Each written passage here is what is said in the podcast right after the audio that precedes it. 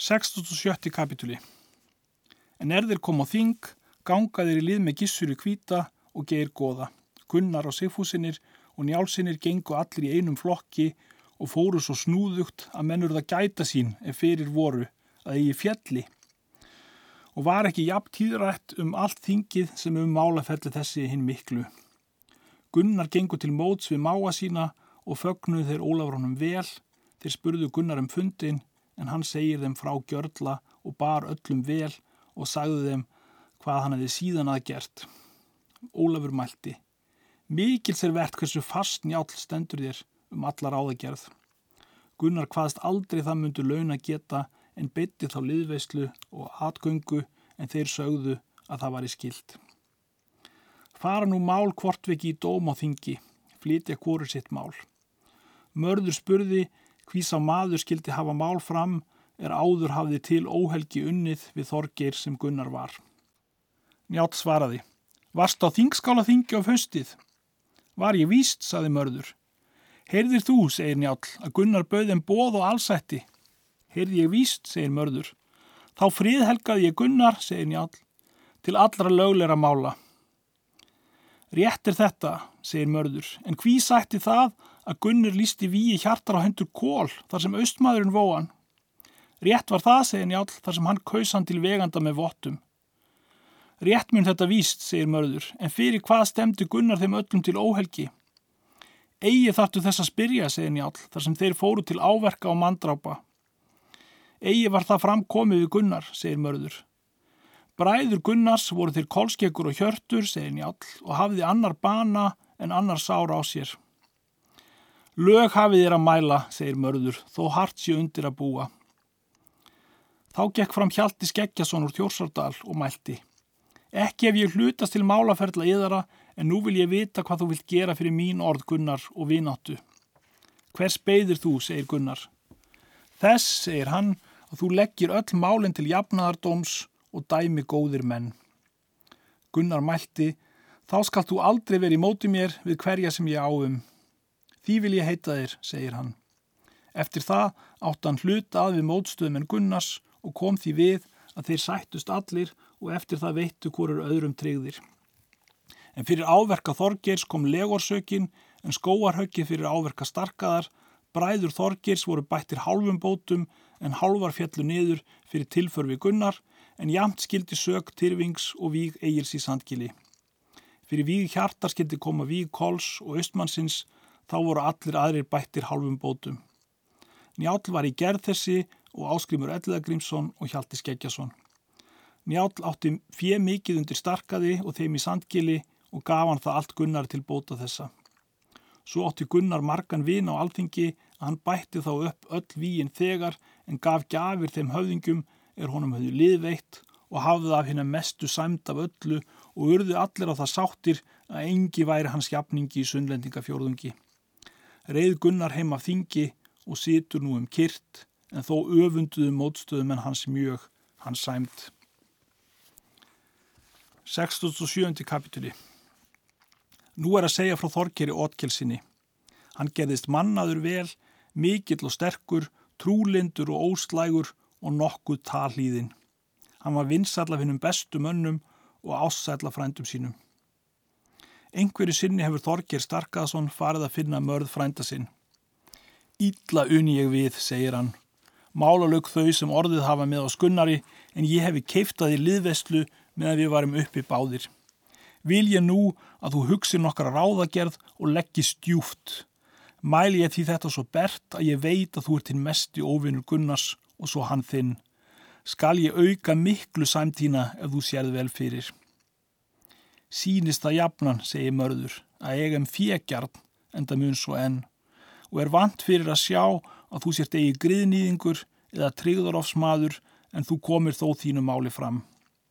En það er mér sagt að kolskekkur ætli mál fram að hafa á rifta fjórðungi móiðarkóli er föður þínu var goldið í svonarbætur, hefur hann mál það tekið af móður sinni og er þetta ráð Gunnars að gjalda lausa fjö en láta eigi landið.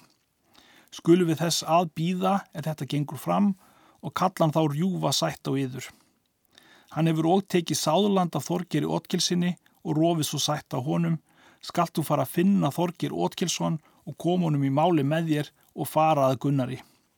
En þó að í bresti nokkuð um þetta og fáið þér hann eigi veittan, þá skulle þér þó farað honum oftar.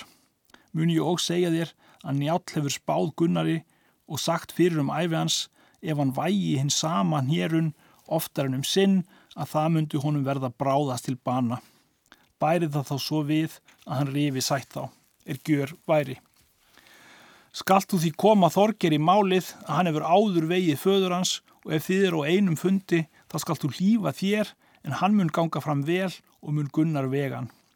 Hefur hann þá vegið tvísvar í einn sama hnérun en þú skalt flýja fundinum. En ef honum vill þetta til dauða draga þá mun hann rjúfa sættina. Er þar til að sitja.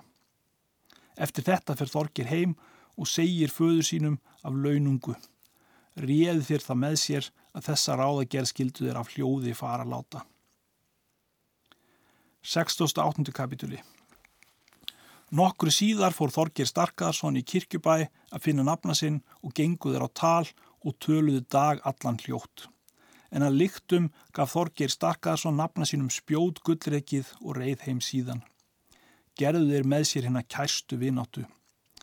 Á þingskála þingjum haustið sótti Kolskekkur til lands að móiðarkóli en Gunnar nefndi votta og bauð þeim undan þrýhetningi lausafjö eða land annað að lögleiri virðingu. Þorgir nefndi sér votta að Gunnar rifi sætt á þeim. Eftir það var lokið þinginu. Líða nú þau misseri, finnast þeir nafnar jafnan og eru með þeim hinnir mestu kærleikar. Kolskekkur mælti til Gunnars. Sagt er mér að mikil sé vinátt að þeirra Þorgirs Ótkelssonar og Þorgir Starkaðarssonar og er það margra manna mál að þeir munu vera ótrúleir og vildi ég að þú varir var um þig. Koma mun til mín fegðin, segir Gunnar, hvar sem ég am stattur ef mér veru þess auðið. Skildu þeir þá talið. Gunnar sagði fyrir um haustið að þar skildi vinna viku heima en aðra niður í eigum og hætta þar þá heiverki. Sagðan svo fyrir að allt skildi fara manna bænum nema hann einn og konur. Þorgir undan þrýhetningi fer að finna nafna sinn en þegar þeir fundust töluð þeirra vanda sínum. Þorgir Starkaðsson mælti. Ég vildi við herðum okkur og færum að Gunnari. Svo að einu hafa fundur orði við Gunnar, saði Þorgir Otkilsson, að fáir hafa á því sigrast en það þykir mér ílt að heita griðnýðingur. Þeir hafa rofið sættina en við eigi, segi Þorgir Starkaðarsson tók Gunnar að þér sáðlanditt en móiðar kól af okkur feðgum. Og semja þeir það með sér að fara Gunnari, segir þá Þorgir að Gunnar myndi á fára nótt að fresti, einn heima vera. Skalt þú koma við þinn tólta mann til mótsumig en ég mun hafa jafnmarka. Síðan reyð Þorgir heim. 69. kapitúli Þá er þeir húskallar á Kolskeggur hafðu verið þrjárnætur í eigum þá hefur Þorgir Starkaðsson njóstn af þessu og gerir orðu nafna sínum að hans geti koma til mótsviðan á þrýhetningshálsa. Síðan bjóst Þorgir við hinn tólta mann undan þrýhetningi, hann rýður upp á hálsin og býður þar nafna síns. Gunnar er nú einn heima á bænum. Rýða þeir nafnar í skóan okkra, þar kom að þeim sveppþungi og máttu þeir ekki annað en sofa. Festu þeir sköldu síni í limar en bundu hestana og settu hjá sér vopnin. Njátt var þessa nótt í Þórólsfelli og mátt ekki sofa og gekk ímist út eða inn. Þórhildur spurði Njál hví hann mætti ekki sofa.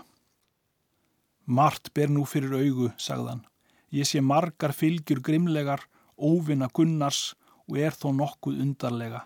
Er láta olmlega og fara þó ráðlauslega. Littlu síðar reið maður að dyrunum og stið af baki og gekk inn og var það sögðamadur þegar Þórhildar. Hún mælti.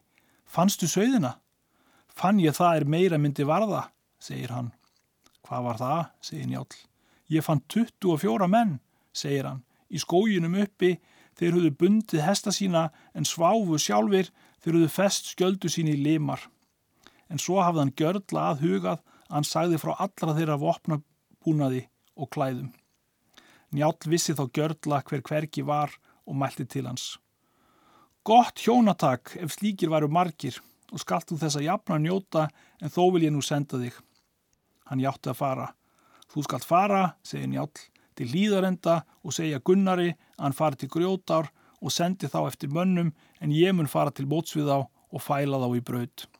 Hefur þetta því vel í móti borist að þeir munu einskis abla í þessi en láta mikið. Sauðamaður fór og saði Gunnari frá öllu sem gerst, reið þá Gunnar til grjótar og stefnaðir þá þanga mönnum. Nú er frá njáli að segja að hann rýður til fundar við þá nafna. Óvarlega likið þér, segir hann, eða til hvers skal för þessi gjör hafa verið og er Gunnar engi klektunar maður, en ef það skal um tala þá eru þetta hinn mestu fjör ráð. Skuli þér það og vita að Gunnar er í liðsapnaði og mun hann hér brátt koma á drepiður nema þeir ríðuð undan og heim. Þeir brúðust við skjótt og var þeim mjög við felmt og tóku vopp sín og stiga á hesta sína og hleyftu þeim undir þrýhetning. Njál fór til móts við Gunnar og bað hann ekki eigða fjölmenni, en ég mun fari í meðal og leita um sættir, munu þeir nú vera hóflega hrættir.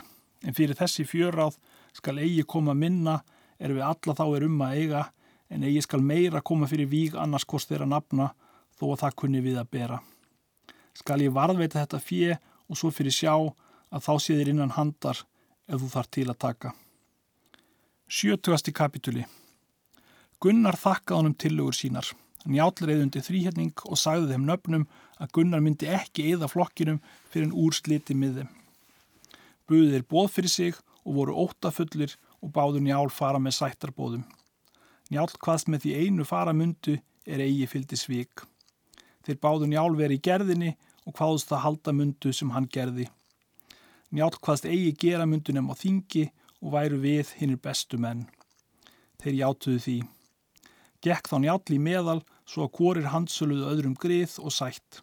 Skildi njál gera og nefna þá til er hann vildi.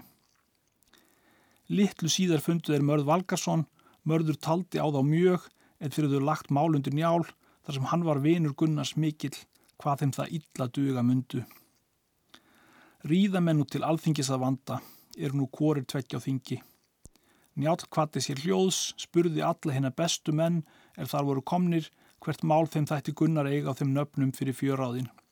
Þeir svöruðu að þeim þótti slíkur maður mikinn rétt á sér eiga. Njál spurði hvort hann ættu öllum þeim eða ættu fyrirmennir einir að svara málunu. Þeir sögðu að mest muni á fyrirmönnum en þó á öllu mikið. Það munu margir mæla, segir mörður, að eigi hafum saklisi verið þar sem Gunnar rauf sætt við þá nafna. Egi er það sættarof, segir njál, að hver hafi lög við annan því að með lögum skal landvort byggja en með ólögum eigða.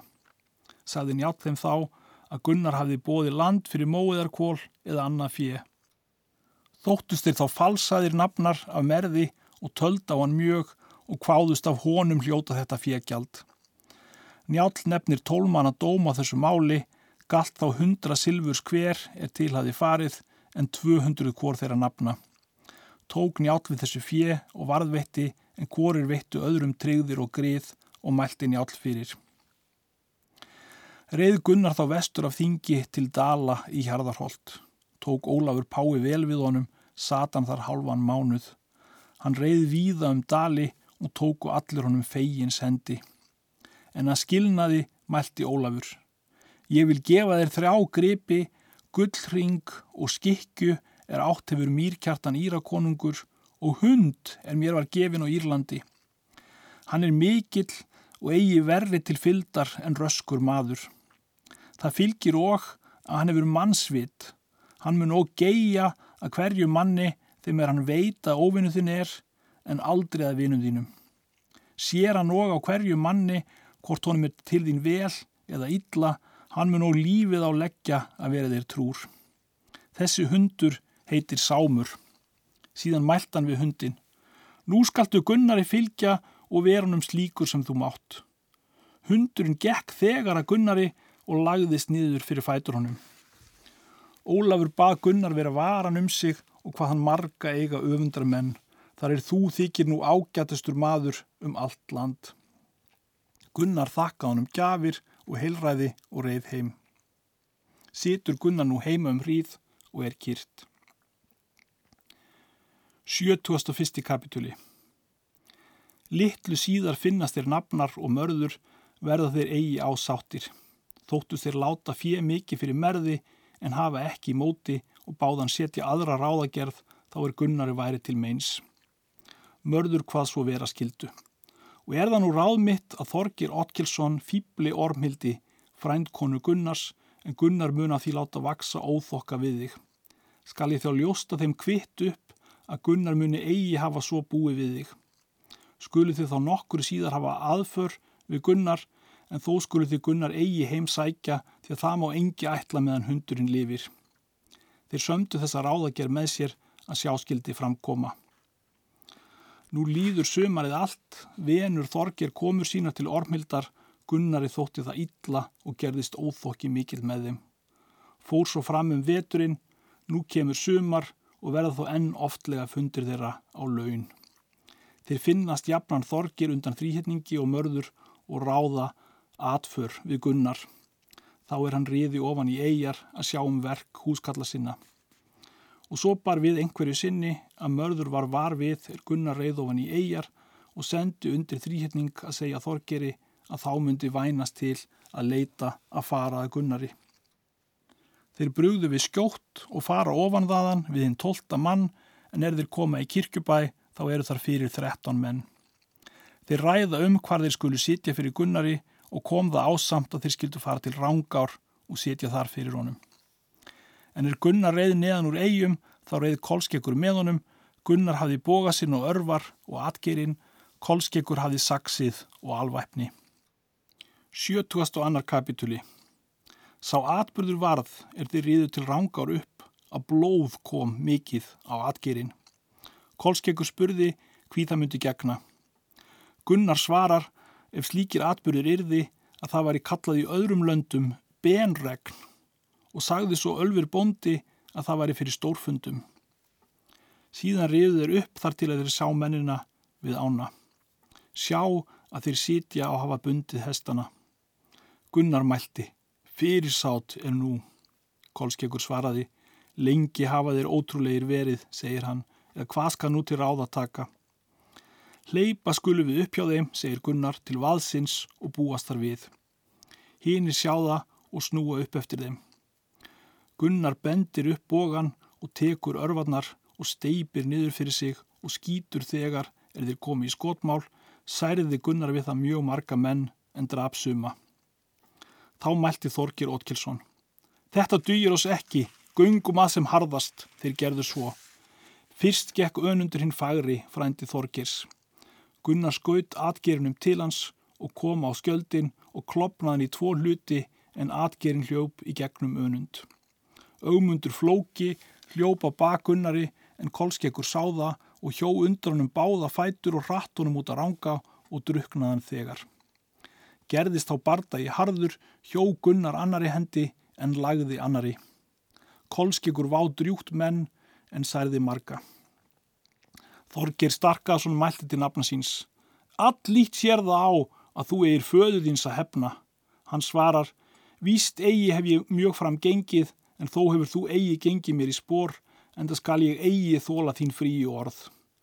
Hleypur af mikil í reyða gunnari og lagði gegnum skjöldin og svo í gegnum hönd Gunnari. Gunnar snaraði svo hart skjöldin að spjóti brotnaði sundur í falnum. Gunnar sér annan mann komin í höggfari við sig og heggur þann bana högg en þrýfur tveim höndum atgerinn þá var Þorgir Otkelsson komin nærunum með rittu sverði. Gunnar snýst á hann um skjótt með mikillir reyði og rekur í gegnum hann atgerinn og vegur hann á loft og keirir hann út á ranga og rekur hann á vaðið ofan og festi þar á steini einum og heitir þar síðan Þorgir Svað. Þorgir Starkarsson mælti, flýjum við nú, ekki mun og sigursverða auðið að svo búnu. Snýru þeir þá allir í frá. Leggjum við nú eftir þeim, segir Kolskeggur, og tak þú bógan og örvarnar og myndu komast í skotfæri við Þorgir. Gunnar segir, eigðast munu þó þykja fjöðsjóðarnir um það er þessir eru bættir er hér liggja nú döðir. Ekki mun þér fjefátt verða, saðið Kolskeggur, en þorgir mun eigi afláta fyrir hann ræðir bana. Standa munir nokkur hans makar á götu minni áður en ég ræðumst þá, segir Gunnar. Síðan ríða þeir heim og segja tíðindin, Hallgerður fagna þessum tíðindum og lofaði verkið.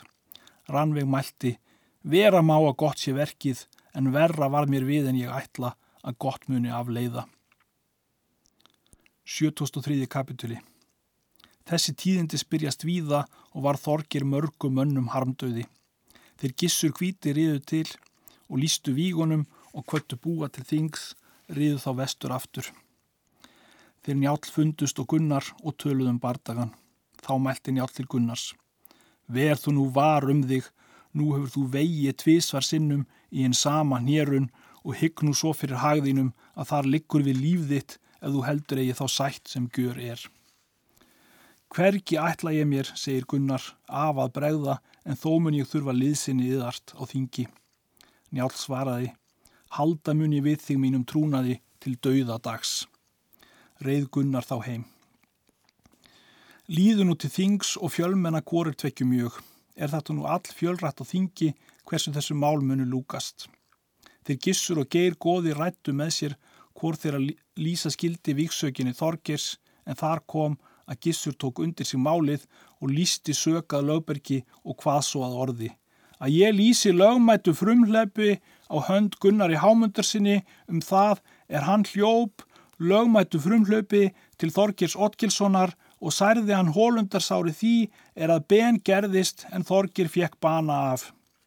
Teleg hann eiga verðum sög þá, sekjan skóarmann, óælan, óferjanda, óráðanda öllum bjargráðum. Tel ég segt, fjö hans, hált mér en hált fjórðungsmönnum þeim er segtar fjö eiga að taka að lögum. Lýs ég til fjórðungsdóms þeims er sökin á í að koma að lögum, lýs ég löglýsing í heyranda hljóða lögbergi, lýs ég nú til sóknar og til sektar fullrar á hönd Gunnari Hámundur sinni. Í annarsinn nefndi Gissur sér votta og lísti sög á hönd Gunnari Hámundur sinni um það er hann særði Þorgir Ótkilsson, hólundar sári því er að ben gerðist en Þorgir fekk bana af á þeim vettvangi er Gunnar hljóp til Þorgirs lögmættu frumhlaupi áður. Síðan líst hann þessi lýsing sem henni fyrri. Þá spurði hann að þingfesti og heimilisfangi eftir það gengum henn frá lögbergi og mæltu allir að honum mæltist vel. Gunnar var vel stiltur og lagði fátt til. Líður nú þingi þar til er dómar fara út. Gunnar stóð norðan að ranga enga dómi og hans menn, Gissur hvíti stóð sunnan að og hans menn og nefndi votta og bauð Gunnar að hlýða til eðspjálsins og til framsögu sakar og sóknar gagna þeirra allra sem hann hugði fram að færa. Eftir það vann hann eið, þá sagði hann fram sög svo skapaði í dóm sem hann lísti, þá let hann bera lýsingarvætti, þá bauð hann búum í setu og til rauningar um kviðin. 74. kapituli Þá mælti njálf. Nú mun eigi meg að sitjanda hluti í eiga, göngunum þar til er búarnir sitja. Þeir gengu þanga til og ruttu fjóra búa úr kviðinum en kvöttu hinn að fimm bjargviðar er eftir voru um máli Gunnars. Hvort þeir Þorgir Starkaðarsson eða Þorgir Ótkilsson hefðu farið með þann hug til fundarins að vinna á Gunnari eða þeir mættu. En allir báru það skjótt að það hefði verið. Kallaði njál þetta lögvörd fyrir málið og hvaðst myndu frambera vördina nema þeir legði til sætta. Voruð þessu þá margir höfðingir að byggja sættana og fjækst það af að tól menn skildu geru um málið, ganga kórir tvekju þá til og hansala þessa sætt. Eftir það var gert um málið og hveðið á fjögjöld og skildi allt greitt þegar þar á þingi en Gunnar skildi fara utan og kolskeggur og veri í brautu þrjá vetur. En ef Gunnar færi eigi og mætt hann komast þá skildi hann dræpur fyrir frændum hins vegna. Gunnar let ekki á sig finna og hann þætti í góð sættin. Gunnar spurði njál að fjöð því er hann hefði fengið honum til varðvislu, njál hafði ávaksta fjöð og greitti þá fram allt og stóðst þá endum og það er Gunnar átt að gjalda fyrir sig. Ríða menn nú heim. Til njál og Gunnar ríðu báðir samt að þingi. Þá mælti njál til Gunnars Gerðu svo vel félagi að þú halt sætt þessa og mun hvað við höfum miðmælst, segir hann. Og svo sem þér var þín fyrri utanferð þín mikil til sæmdar, þá mun þér þó þessi verða miklu meir til sæmdar, mundu koma út með mannverðingu mikilli og verða maður gamall og mun engi maður hér þá á sporði þér standa. En þú ferð eigi utan og rýfur sættina þá myndu drepin vera hér á landi og er það ílt að vita þeim er vinir þínir eru. Gunnar hvaðst ekki allar júfa sættir, Gunnar rýður heim og segir sættina, Rannveig hvað vel að hann færi utan og ættu þeir við annan að deila fyrst.